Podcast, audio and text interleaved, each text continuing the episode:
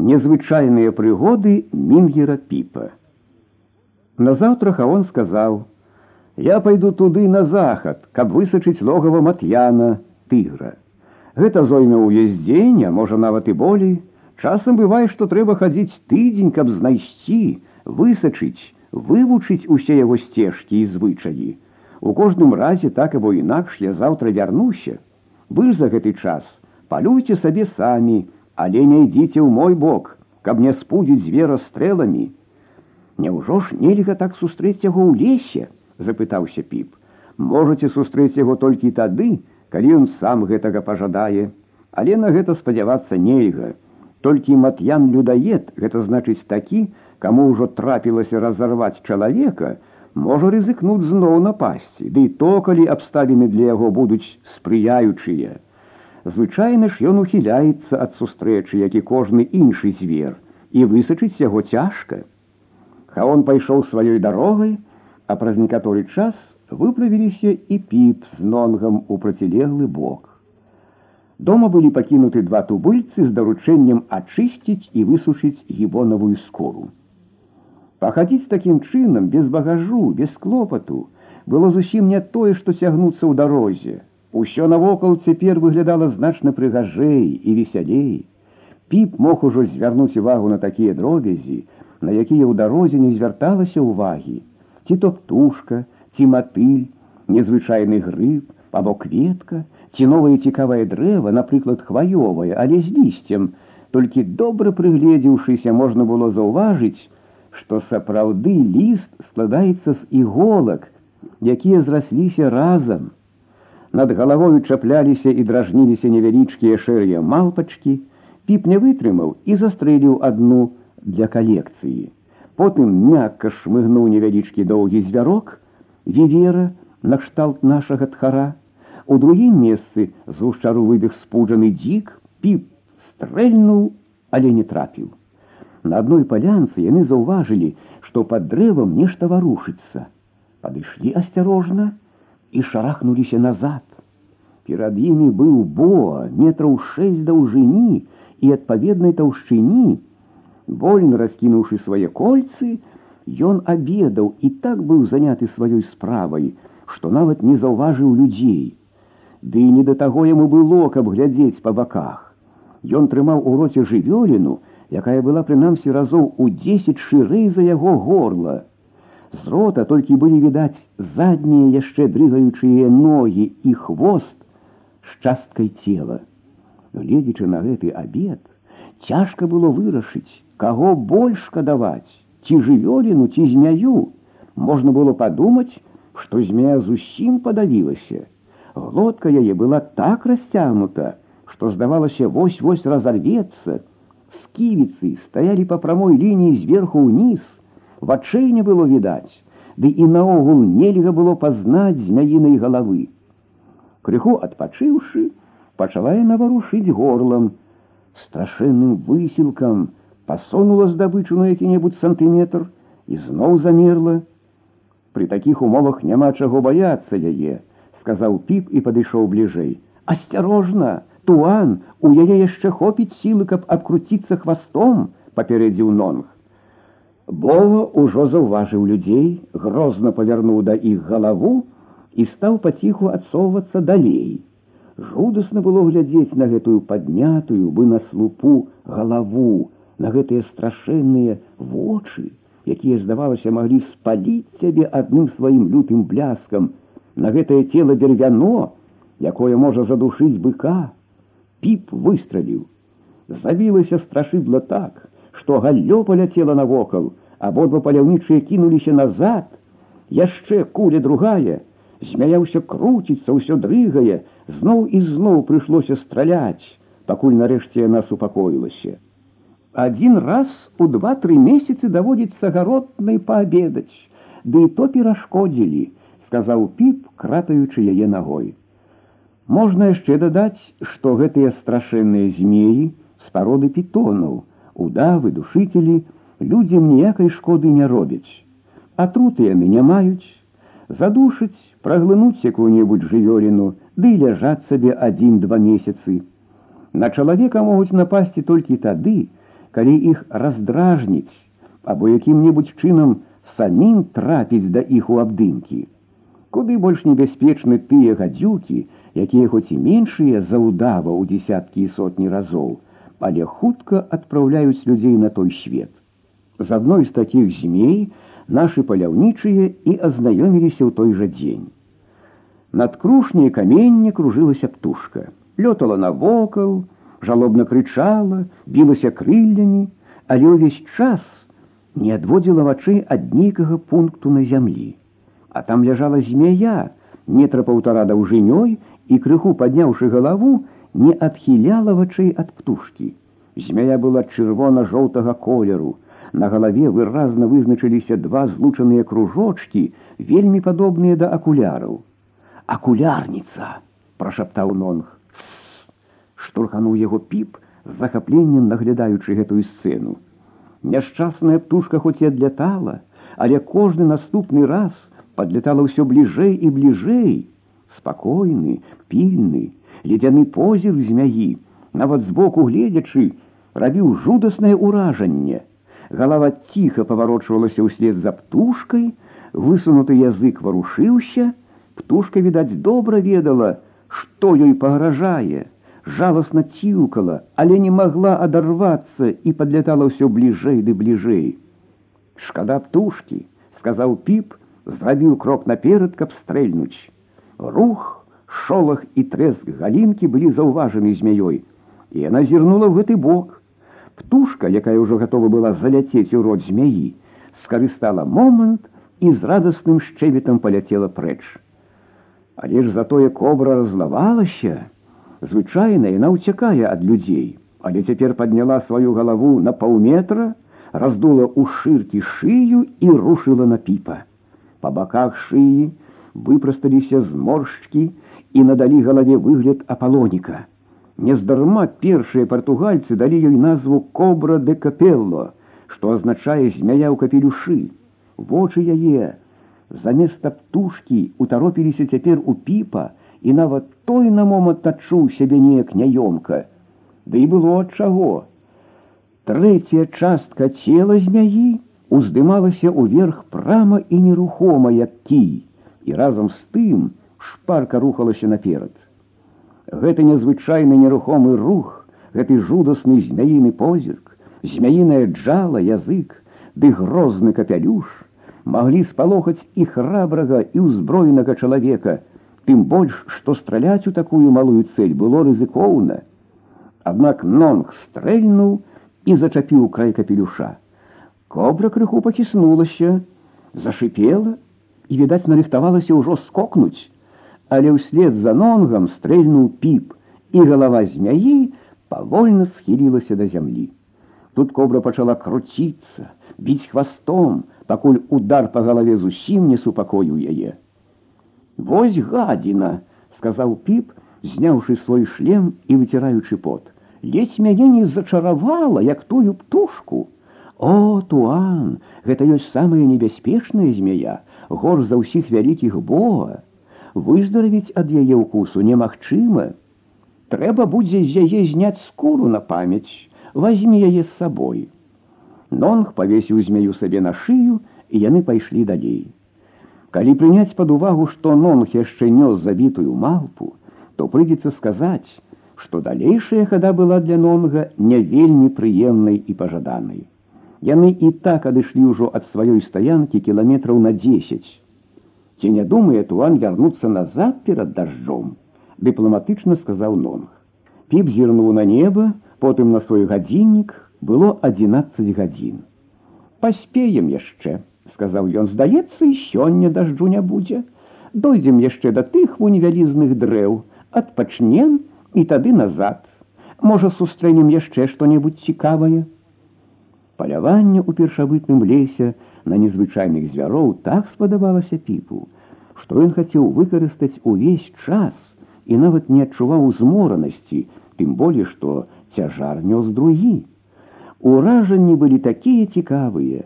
З аднаго боку ўсё было так, як пісалася ў кніжках, але з другога нешта зусім іншае, а ў чым справа нельга было разабраць. Прайшлі яшчэ кіламетры са два і спыніліся на беразе маленькай неглыбокай рачулкі.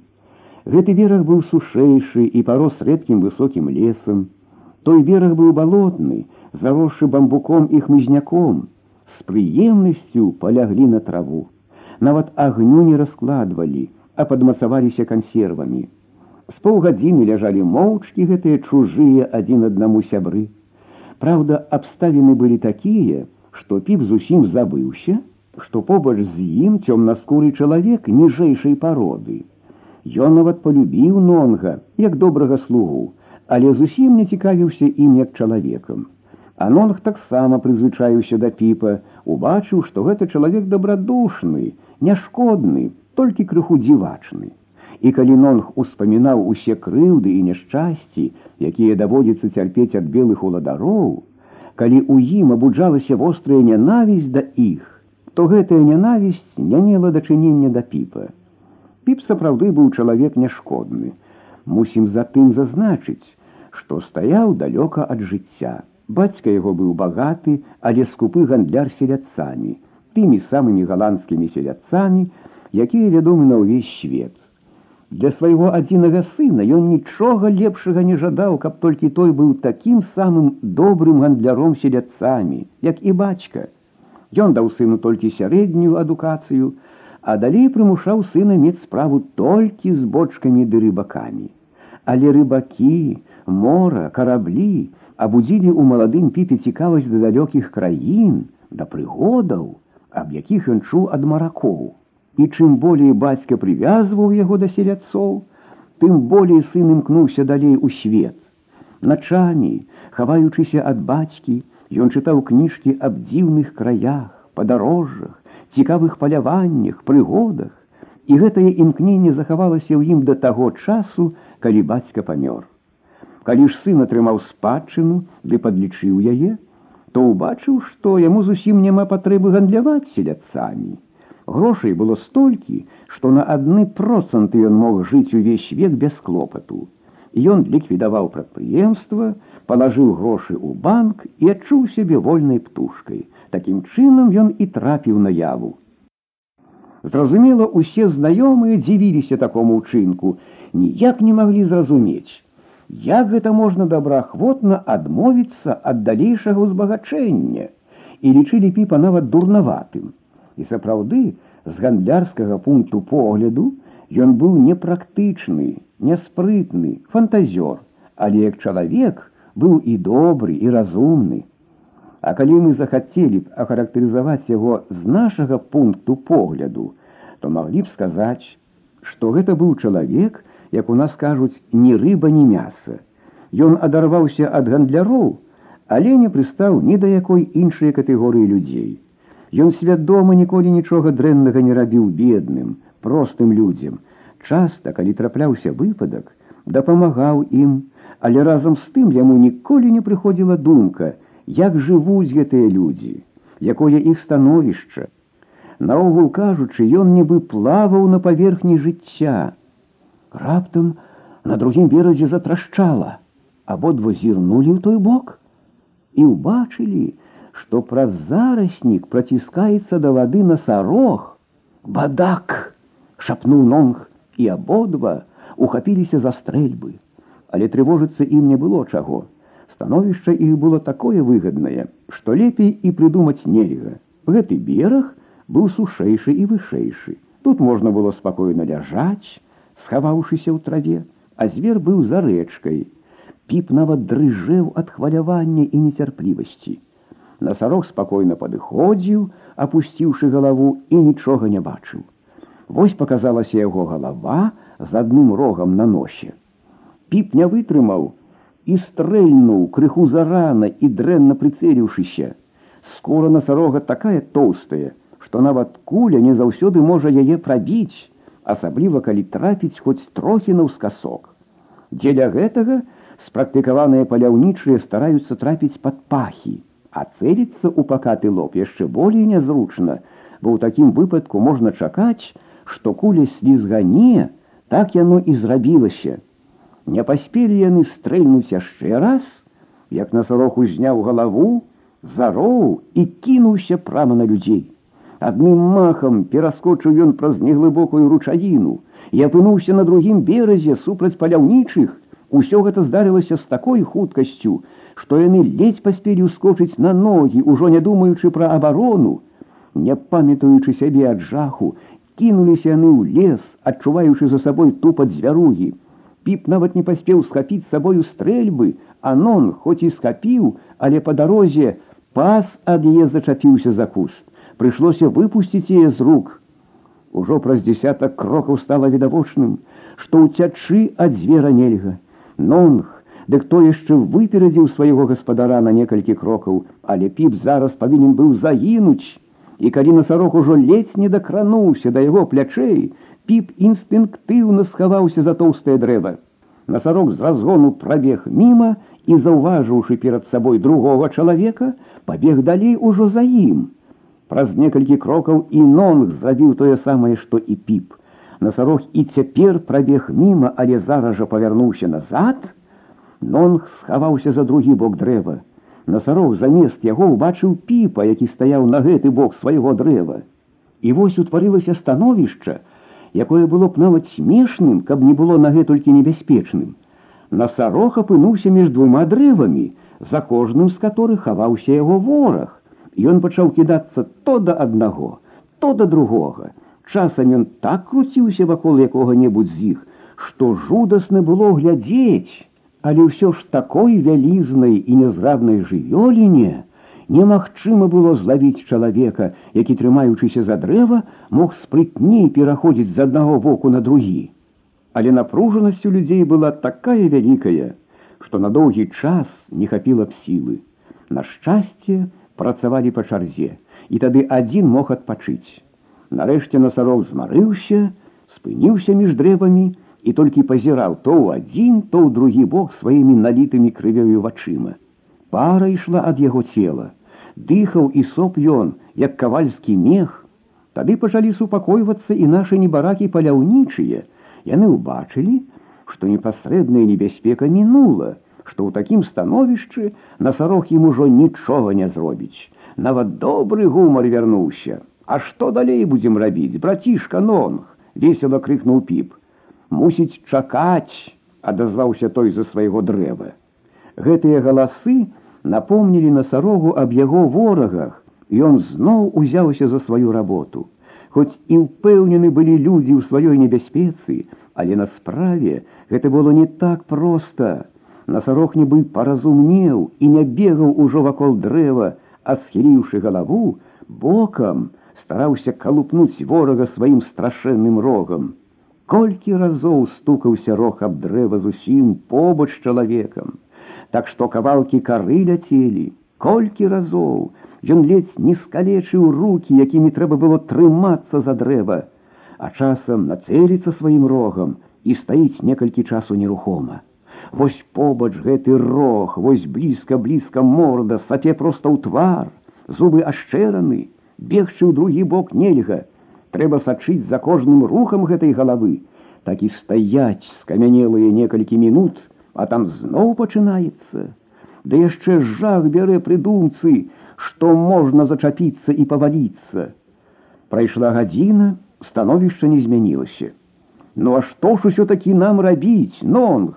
зноў крыкнуў піп у часе перапынку, але ўжо невясёлым тонам.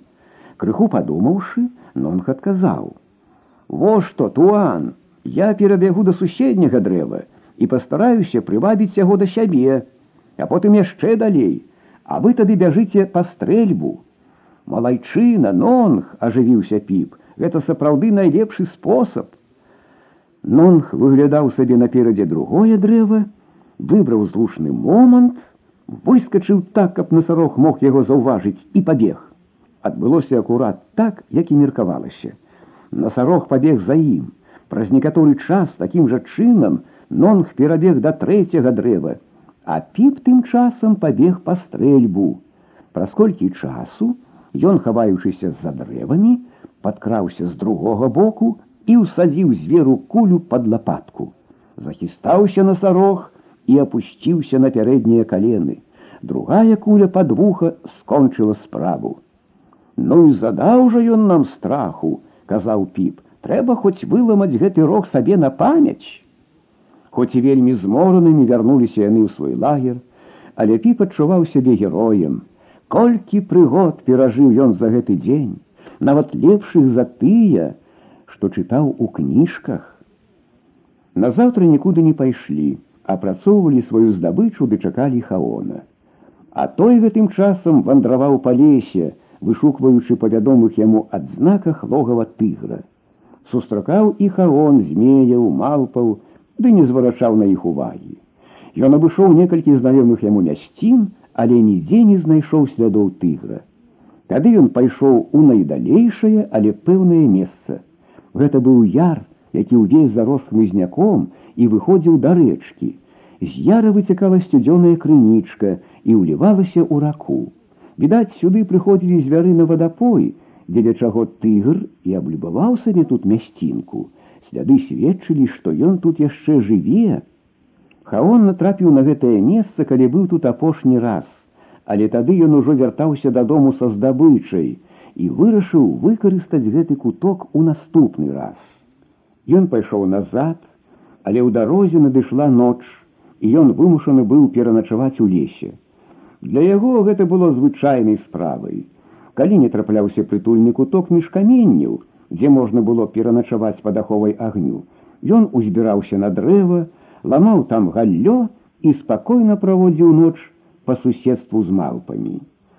Так зрабіў ён і на гэты раз, а зранку ўжо быў у лагеры.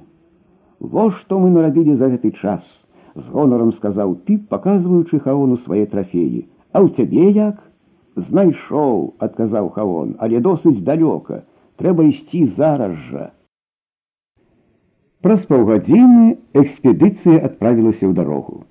Адлегласць была мусіць кіламетраў 10-15 але для экспедыцыі патрабавалася на гэта ў два разы больш часу як аднаму хаону. Зноў пачаліся гушчары ліяны зноў трэба было прасякаць сабе дарогу час ад часу трапляліся камяністыя бязлесныя ўзвышшы, тады наперадзе адкрываліся горы, то лясістыя, то з лысінамі, яны ішлі на поўдзень, паступова павышаючыся, часам наваленыя нібы крушны велізарных каменняў і нарэшце губляліся ў сіняй імгле. Вось на адной з гор уецца нібы дымок. Што гэта? запытаўся піп. Вулкан, адказаў хаон можа дзейнічае крыху дыміцца заўсёды ён так у другім месцы верхавіна прыняла выгляд нейкай вежы або царквы піп заўважыў гэта і зацікавіўся гэта і ёсць царква бадуісаў сказаў хаон вунь па схіла гор параскіданы іхнія пасёлкі піп задумаўся дык вось дзе яна гэтая старажытная жменька народа які схаваўся ад цывілізацыі, каб захаваць свой першабытны ўклад жыцця, ці яны ніколі не ўваходзяць у зносіны з нашымі людзьмі, зноў запытаўся піп, бадай што не. Іхняя ўлада сочыць, каб гэтага не было. А калі хто звяжацца з нашым светам, дык таму ўжо прыходзіцца зусім уцякаць адтуль. Якая ж такая ў іх улада? Вышэйшы жрэц Геранг Туун Але яго ніхто не можа бачыць апроч сорока памочнікаў. Гэты лік 40 заўсёды застаецца аднолькавы.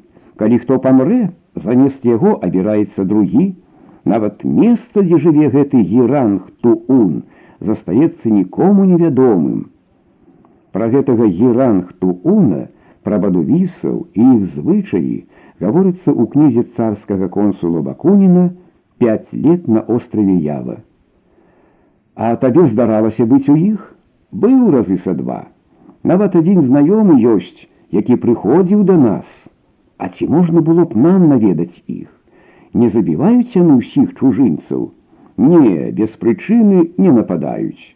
Асабліва, калі з імі абысціся лагодна, але наогул на чужынцаў глядзяць скоса. Усё гэта так зацікавіла піпа, што ён нават забыўся на сваіх тыграў, Ён вырашыў абавязкова наведаць гэтых бадувісаў. Няўжо ж наша ўлада ніколі не спрабавала падначаліць іх, пытаўся ён далей. Спрабавалі, нават налажылі на іх падатак, але што з іх возьмеш? Добраахвотна ніхто не панясе, хоць бы і за тым, што нічога не маюць. Пасылалі салдат, дык жыхары ўсе паўцякалі. Атрымаць там салдат заўсёды няма рацыі, бо трэба ім дастаўляць усё неабходнае для жыцця. А дзеля гэтага трэба цягнуцца дні тры па гэтых пушчах, балотах ды горах. І абыдзецца гэта даражэй за ўсе падаткі, якія можна з іх выкалаціць. Толькі пад вечар наблізіліся яны да патрэбнага ім месца. Каб не спалохаць звера, зрабілі прывал за паўкіламетра ад яра. Але ўсе былі так стомлены, што з самое паляванне прыйшлося адкласці на другі дзень. Удзень пайшлі на разведку, каб абмеркаваць план палявання. Мат'ян хітры і небяспечны звер, сказаў Хавон, трэба мець шмат цярплівасці, часу і асцярожнасці, каб падпільнаваць яго. Асабліва важна, каб ветер не дзьмуў да яго з нашага боку. Ад гэтага залежыць усё. Мы зробім насціл вунь на тым дрэве І засядзем на ім нанач. Тыгр выходзіць праз гадзіны дзве-тры пасля захаду сонца, а калі не выйдзе ў гэты час, тады выйдзе за гадзіны дзве-тры перад усходам. Ля выхаду з яра стаяла шырокае купчастае дрэва, вельмі добрае для гэтай мэты. Недалёка ад яго ішла ўніз камяністая незарошая лагчынка, па якой гурчэла крынічка. З абодвух бакоў берагі ўздымаліся, і тыгр абавязкова павінен быў прайсці гэтую лагчынку. Ззаду выхад пашыраўся і пераходзіў уніз бераг парошы трысцём. Пабудавалі на дрэве нібы вялікае буславае гняздо, падламалі галінкі, што перашкаджалі бачыць лагчынку. А што калі ён пачуе чалавека ды не пойдзе, сказаў нонг. Цяпер ён спіць, схаваўшыся далёка ў гушчары і не пачуе. Слядоў нашых ён таксама пакуль што не бачыў. Усё залежыць цяпер ад ветру. Захадам сонца піп, хаон і нонг размясціліся на дрэве. Два тубыльцы з мулам засталіся на прывале. Піпа ахапіў нібы святочны настрой. Ён жа сядзеў з сапраўднымі дзікунамі, у сапраўдным трапічным лесе і пільнаваў сапраўднага тыгра. Гэта ж не жарт. Пацягнуліся доўгія мінуты, гадзіны, залёталі, зашуршэлі і запішчэлі ўсялякія начныя стварэнні. Восенейкая вялізная жывёліна затупала ззаду, але не было часу азірнуцца. Уся ўвага была накіравана наперад. Лагчынка ледзь была відаць у цемры, трэба было вельмі пільна сачыць, каб не прапусціць той кароткі момант, калі звер пройдзе па ёй. Напружанаму, стомленаму воку увесь час здавалася, нібы вось вось ён ужо крадзецца. Мінулі дзве гадзіны, тры, а звер не паказваўся. Хаон трывожна заёрзаў. Вось няўдача, сказаў ён, нарэшце прыслухоўваючыся да паветра. Здаецца, ветрык дзьме ззаду. Але ветрык быў такі слабы і няпэўны, што толькі хаон мог яго заўважыць. У кожным разе, напэўна, нельга было сказаць, ці ветрык перашкодзіў, ці так што. У такім разе прыйдзецца чакаць другой паловы ночы, хоць і мала ўжо надзеі, сказаў Хавон, А цяпер мы нават можам крыху паспаць. Але які там мог быць сон, Нават сам Хаон хоць і вывучыў тыгравыя звычкі, але не мог не сачыць за лагчынкай. Усё здавалася, што вось-вось тыгр з'явіцца. А 12 гадзіне паляўнічыя пачалі ўжо дзюбаць сваімі насамі, а піп зусім страціў свой урачысты настрой. Ён адчуваў толькі нуду, як дзе-небудзь на станцыі чакаючы поезда. Больш бадзёр атрымаўся хаон, бо лічыў сябе адказным за ўсю аперацыю. Толькі нонгу было ўсё роўна, як ідуць справы, і ён заснуў звычайным моцным сном. Падняўся месяц, і крыху асвятліў лагчыну, Хаон раштурхаў сваіх таварышаў, сну як не было. Яны зноў напружана пачалі ўглядацца ў лагчынку. І вот ззаду пачуўся шэрх, трэск, мільганула ў паветры нешта цёмнае і з глухім гурчаннем кінулася на паляўнічых, але адлегласць, вышыня і галінкі перашкодзілі. Тыгр толькі драпануў сваёй лапай на сціл разам з нагой хаона і паляцеў уніз з галлём. Хаон ускрыкнуў, выпусціў стрэльбу, але сам затрымаўся, учапіўшыся за сук. Піп таксама страціў раўнавагу і ледзь утрымаўся. Толькі нонг, які сядзеў асобна ў развіліне, застаўся нерухомы, і калі тыр зваліўся на зямлю, нонг паспеў паслаць яму кулю ў спіну. Жудасны крык прарэзаў ноч. Скокнуў драпежнік яшчэ раз, а тут ужо піп дадаў сваю кулю, а зверху на тыгра струменем лілася кроў хавона. Калі небараку знялі з дрэва і агледзелі рану, то аказалася, што тыгр вырваў кавалак лыткі. Рана была вялікая і страшная, але жыццю не павінна было пагражаць, калі яе дагледзець як належыць. Пакуль што, каб затрымаць кроў, перавязалі нагу лісцем ды сціснулі пад каленам. Нонг пабег да стаянкі, прынёс матэрыялы для перавязкі, прывёў абодвух таварышаў з мулам. Праз некаторы час рушылася працэсія. Наперадзе, на зробленых з галля насілках тубыльцы неслі хаона. Ззаду піп з нонгам тузаліся з мулам, які нёс на сваёй спіне тыгра і кідаўся ў страху ва ўсе бакі. 12 кіламетраў да свайго лагера яны ішлі 6 гадзін. Якім чынам усё гэта магло здарыцца, запытаўся піп у хаона, калі яны былі ўжо дома. Гэта ёсць самая лёгкая кара хаону за яго дурноту, адказаў той з прыкраю смешкай. Па-першае, трэба было ведаць, што ветрык ужо сапсаваў нам усю справу. А па-другое, і самае галоўнае, трэба было ведаць, што наша дрэва стаяла ў яру, а побач уздымаўся высокі бераг, з якога можна было дасягнуць да нас. Каб адлегласць была крыху меншая, нам бы не тое яшчэ было. Мат'ян хітры, ён пачуў нас раней і, абышоўшы навокал, напаў ззаду, сорам хаону, анак, дзіця, гэтак не зрабіў бы бодак дурны хаон. Стары паляўнічы на тыграў, здавалася, больш пакутаваў ад сваёй хібы, як ад раны. Што ж цяпер будзем рабіць? нерашуча запытаўся піп. Туан казаў, што хоча навясціць бадувісаў, адказаў хаон. Калі ён не пакінуў свайго жадання, можна было б накіравацца туды, там мяне хутка вылечыць, ды туды і значна бліжэй як у тынанг. Піп ахвотна згадзіўся, бо гэта якраз адпавядала і яго жаданню. Пачалі рыхтавацца ў дарогу, трэба было упарадкаваць тыграды і наогул усю сваю здабычу. Потым трэба было зрабіць для ханона добрыя насілкі, ды і адпачынак для паляўнічых быў патрэбен пасля такіх падзей. Выправіліся на другі дзень апоўдні. Хаон, лежачы на насілках, кіраваў дарогай. За ім ішоў піп, а ззаду нонг з мулам, які ўжо адчуў, што цяжар яго значна павялічыўся. Калі экспедыцыя знікла ў гушчары, за кустоў выйшлі два яванцы ў накідках і хустках на галаве. У руках яны трымалі добрыя вінтоўкі. І навошта нам валаводзіцца з ім, сказаў адзін з іх. Ці не лепш было б адразу скончыць, уся роўна ён наш вораг. Калі загадалі, значыцца ведаюць, дзеля чаго гэта патрэбна, адказаў другі, ды і мы самі павінны зразумець, што нам трэба стварыць уражанне, нібы нікога з нас тут няма. Хіба ты не чуў, што оранг улянды ўжо супакоіліся і радуюцца, што ўсё ціха, што нікога тут няма.